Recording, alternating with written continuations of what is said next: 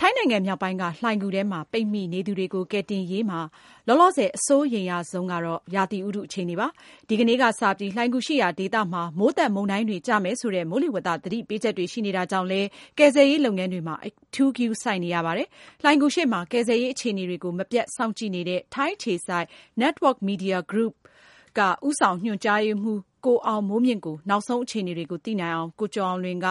ပြီးခဲ့တဲ့ နာရီပိုင်းကပဲ ဆက်သွယ်မေးမြန်းထားပါတယ်။ ကိုအောင်မိုးမြင့်ရောက်နေတဲ့နေရာဘယ်နေရာလဲခင်ဗျ။ကျနော်တို့အခုရှိနေတာက ဂူရှေ့မှာရှိတယ်ဗျ။ဘာလို့လဲဆိုတော့ ဒီည သတင်းစာရှင်းလင်းပွဲကို ခရိုင်မှူးပြောတာကို စောင့်ပြီးနားထောင်နေတော့ ချင်းရိုင်ခရိုင်မှူးပေါ့လေ။ဟုတ်ကဲ့ ချင်းရိုင်ခရိုင်မှူးက သတင်းစာရှင်းလင်းပွဲလုပ်တာ သူက ဘာအကြောင်းတွေပြောလဲခင်ဗျ။အဓိကတော့ ကလေးတွေထုတ်ဖို့အတွက် ဘာတွေလုပ်နေလဲပေါ့လေ။ဥပမာ ဒီညမှာ နောက်ဆုံးသိတာကတော့ အင်္ဂလန်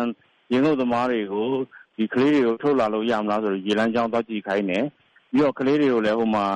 ရေကူးတာနဲ့ အောက်ဆီဂျင်အသက်ရှူနည်း သင်ပေးနေတာလည်း အိုကေပြီလားဆိုတာ သွားကြည့်ခိုင်းတယ်။ရေလမ်းကြောင်းအဆင်ပြေတယ်ဆိုရင်သူတို့ကလေးတွေကို ခေါ်ထုတ်ဖို့ပေါ့လေ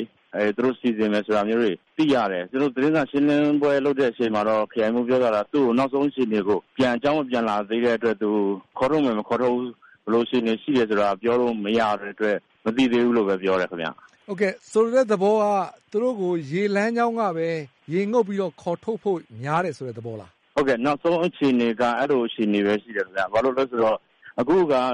ဂူပေါက်အစကနေ ဝင်သွားလို့ရှိရင် T shaped နားရောက်ခါနီးတဲ့ အခန်း ဆိုတဲ့ သူတို့ အခုနောက်ဆုံး စခန်းချထားတဲ့နေရာအထိကို ရေက လုံးဝ ခမ်းသလောက်ရှိသွားပြီ။အဲဒီ အခန်း ကနေ T shaped လမ်းဆုံကနေ ဘယ်ဘက်ကို ချိုးသွားပြီးကလေးရှိတဲ့နေရာအထိ သွားမယ်ဆိုရင် ရေလုံးဝ ငုပ်သွားရမှာဖြစ်တယ်။အဲဒီ ရေလုံးဝ ငုပ်သွားမယ့်နေရာမှာ ပြဿနာက လုံးဝ ခေါင်းဖော်လို့မရဘူး အောက်ဆီဂျင်ဘူးနဲ့ပဲ လာရမယ့်ဟာမျိုးရှိတယ်။ အဲဒီခရီးကလည်း ဝေးတယ်။အနည်းဆုံး လူကြီးတယောက်တောင် သူတို့ရေငုပ်သမားတွေတောင် ၃ နာရီလောက် အချိန်ယူရတာမျိုး ရှိတယ်။အောက်ဆီဂျင်ဘူးနဲ့ ခေါ်လာမယ်ဆိုရင်လည်း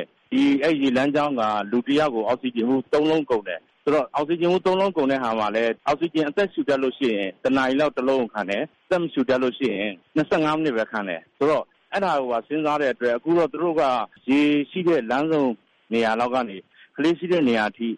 ၂၅မီတာခြား အောက်ဆီဂျင်ဘူးတလုံး လိုက်တပ်ဆင်ပြီးတော့ အရေးပေါ်ရှူနိုင်အောင် လမ်းဘေးတွေမှာ နံရံဘေးတွေမှာ ဝင်ရှူနိုင်အောင် လိုက်လုပ်တာမျိုးတွေ ရှိတယ်။ရေကတော့ ပြီးခဲ့တဲ့ ၂ ရက်လောက်ကတော့ ၁၀ စင်တီမီတာလောက် တက်လာတယ်။အခုတော့ ပြန်ကျသွားပြီ ဒါပေမယ့်ပုံမှန်စုတ်ထုတ်နေတယ်။ရာသီဥတုက အခုလောလောဆယ် ဘယ်လိုအခြေအနေရှိနေသလဲခင်ဗျ အဲဒီမှာ။ရာသီဥတုကတော့ ကျနော်တို့ မိုးဖွဲလေးတွေတော့ ကျနေတယ်ခင်ဗျ ဒီမှာတော့။ခုနကတော့ မြို့ထဲက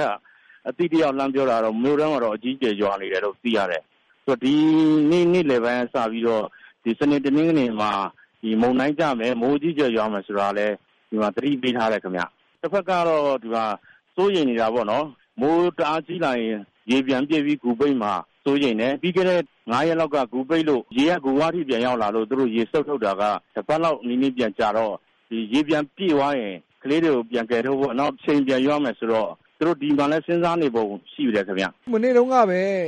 ကယ်ဆယ်ရေး ရေတပ်သားဟောင်းတယောက် အောက်ဆီဂျင်မလောက်တာနဲ့ပဲ သူအသက်ပေးလိုက်ရတယ်။ဒီအဖြစ်အပျက်က ဘယ်လောက်အထိ အခုအခြေအနေကို ထိခိုက်စေသလဲခင်ဗျ။တချို့ဒီမှာရှိတဲ့ ဒေသခံတွေကတော့ရေငုပ်သမားတောင် ဒီလိုဖြစ်ရင် ကလေးတွေဖြစ်မှာ ပိုစိုးရိမ်တာပေါ့ ကျနော်တို့မြင်တာတော့။ဒါပေမယ့်ဒီမနက်က သတင်းစာရှင်းလင်းပွဲမှာ ရေတပ်ဗိုလ်ချုပ်ပြောသွားတာကတော့ ဒီလူက သူတို့တပ်ကလည်း ထွက်ထားပြီ ရိုးရိုးစေတနာ့ဝန်ထမ်းအနေနဲ့ လာကူတာ သူသေဆုံးသွားတဲ့အတွက် သူတို့လုပ်ငန်းတွေကို မရပ်ဆိုင်းဘူး နောက်မဆုတ်ဘူး ရှေ့ဆက် ဒီကလေးတွေကို ခေါ်ထုတ်လို့ရဖို့ ကြိုးစားသွားမယ်ဆိုတာမျိုးတော့ သူတို့ဘက်ကတော့ ကယ်ဆယ်ရေးအဖွဲ့တွေက အဲလိုပြောပါတယ်ခင်ဗျ။အခုစနေ တနင်္ဂနွေမှာကိုပဲ မိုးတွေအကြီးအကျယ်ရွာမယ် မုန်တိုင်းရှိမယ်ဆိုတော့ ဒီမိုးလေဝသအတွက် ဘယ်လိုပြင်ဆင်မှုတွေ ဘယ်လိုကာကွယ်မှုတွေ လုပ်နေတာတွေ့ရသလဲခင်ဗျ။ ခရိုင်မှူးအခုည၁၁ နာရီခွဲ ၁၂ နာရီလောက်က သတင်းစာရှင်းလင်းပွဲ ပြောသွားတာကတော့ သူတို့ Stand by လုပ်ထားတဲ့ အဖွဲ့တွေရှိတယ်။အခုဂူရှေ့မှာ မိုးရွာတဲ့လိုမျိုး ဖွဲဖွဲပဲကျရင်တော့ ရေစုတ်ထုတ်နိုင်အားနဲ့ ရေကျသွားနိုင်တဲ့အတွက် ရေနဲ့ပဲ ကူးထုတ်မယ့်သဘောရှိတယ်။ဒါပေမယ့်အပြင်မှာ မိုးတအားရွာလို့ ရေနည်းနည်းကြီးလာမယ်ဆိုရင်တော့ သူတို့ Stand by လုပ်ထားတဲ့အဖွဲ့နဲ့ အမြန်ခေါ်ထုတ်ဖို့ အစီအစဉ်လိုမျိုးတော့ သူအရိပ်အယောင်ပြောသွားတယ်ခင်ဗျ။အခုကိုအောင်မိုးမြင့် ဘယ်လိုမြင်နေရသလဲ အဲဒီပတ်ဝန်းကျင်မှာက ဒေသခံတွေများနေသလား နိုင်ငံတကာသတင်းမီဒီယာတွေရောရှိနေသလား ကယ်ဆယ်ရေးသမားတွေ ဘယ်လောက်ရှိနေသလဲ ခင်ဗျားမြင်နေရတဲ့ ပတ်ဝန်းကျင်အခြေအနေ ကျနော့်ကိုရှင်းပြပါခင်ဗျ။ဟုတ်ကဲ့ ဒီနေ့မှာတော့ နိုင်ငံခြားသတင်းထောက်တွေ အများကြီးရောက်လာတယ်ဗျာ။ပုံမှန်ရောက်လာတာ များနေတဲ့အတွက် ခရိုင်မှူးကတောင်ပြောတယ် သတင်းထောက်တွေကိုတော့ ဒီကလေးတွေ တကယ်လို့ ခေါ်ထုတ်လာရင် အနှောင့်အယှက်ဖြစ်မှာစိုးလို့ အကန့်အသတ်တွေထားမယ် ပူးပေါင်းပါဝင်ပေးကြပါဆိုတော့ တောင်းပန်တယ်။ဆိုတော့ အခုညမှာတော့ ဒီမှာ တချို့သတင်းဌာနကြီးတွေကအလှည့်နဲ့ပေါ့လေနေ့တိုင်းညတိုင်းခွဲပြီးတော့ဒီမှာလာစောင့်နေကြတဲ့သတင်းထောက်တွေလည်းအများကြီးရှိပါတယ်။ကယ်ဆယ်ရေးလုပ်နေတဲ့လူတွေကဒီမှာအင်အားတစ်ထောင်ကျော်ရှိတယ်ခင်ဗျ။ဂူထဲမှာလည်းအဖွဲ့လိုက်ခွဲပြီးတော့ပိုက်ဆက်တာဆက်အောက်ဆီဂျင်ပေးတဲ့ဟာလုပ်တာလုပ်အဲ့လိုမျိုးသူ့အလုံးနဲ့သူတော့ခွဲပြီးတော့နေ့နေ့တိုင်းညတိုင်းခွဲလုပ်နေတာတွေတော့တွေ့ရတယ်ခင်ဗျ24နာရီပတ်လုံးတောက်လျှောက်ကူညီနေကြတာပေါ့ဟုတ်ကဲ့ဟုတ်ကဲ့နေ့တိုင်းညတိုင်းခွဲပြီးတော့နေ့လုပ်တဲ့လူညနာညလုပ်တဲ့လူနေ့လားဆိုတဲ့ဟာမျိုးနဲ့ သူ့အလက်နဲ့သူလုပ်တယ်လို့နေ့တိုင်းမှာဆိုရင်ပုံများတာက ဒေသခံတွေဗော်လန်တီယာတွေက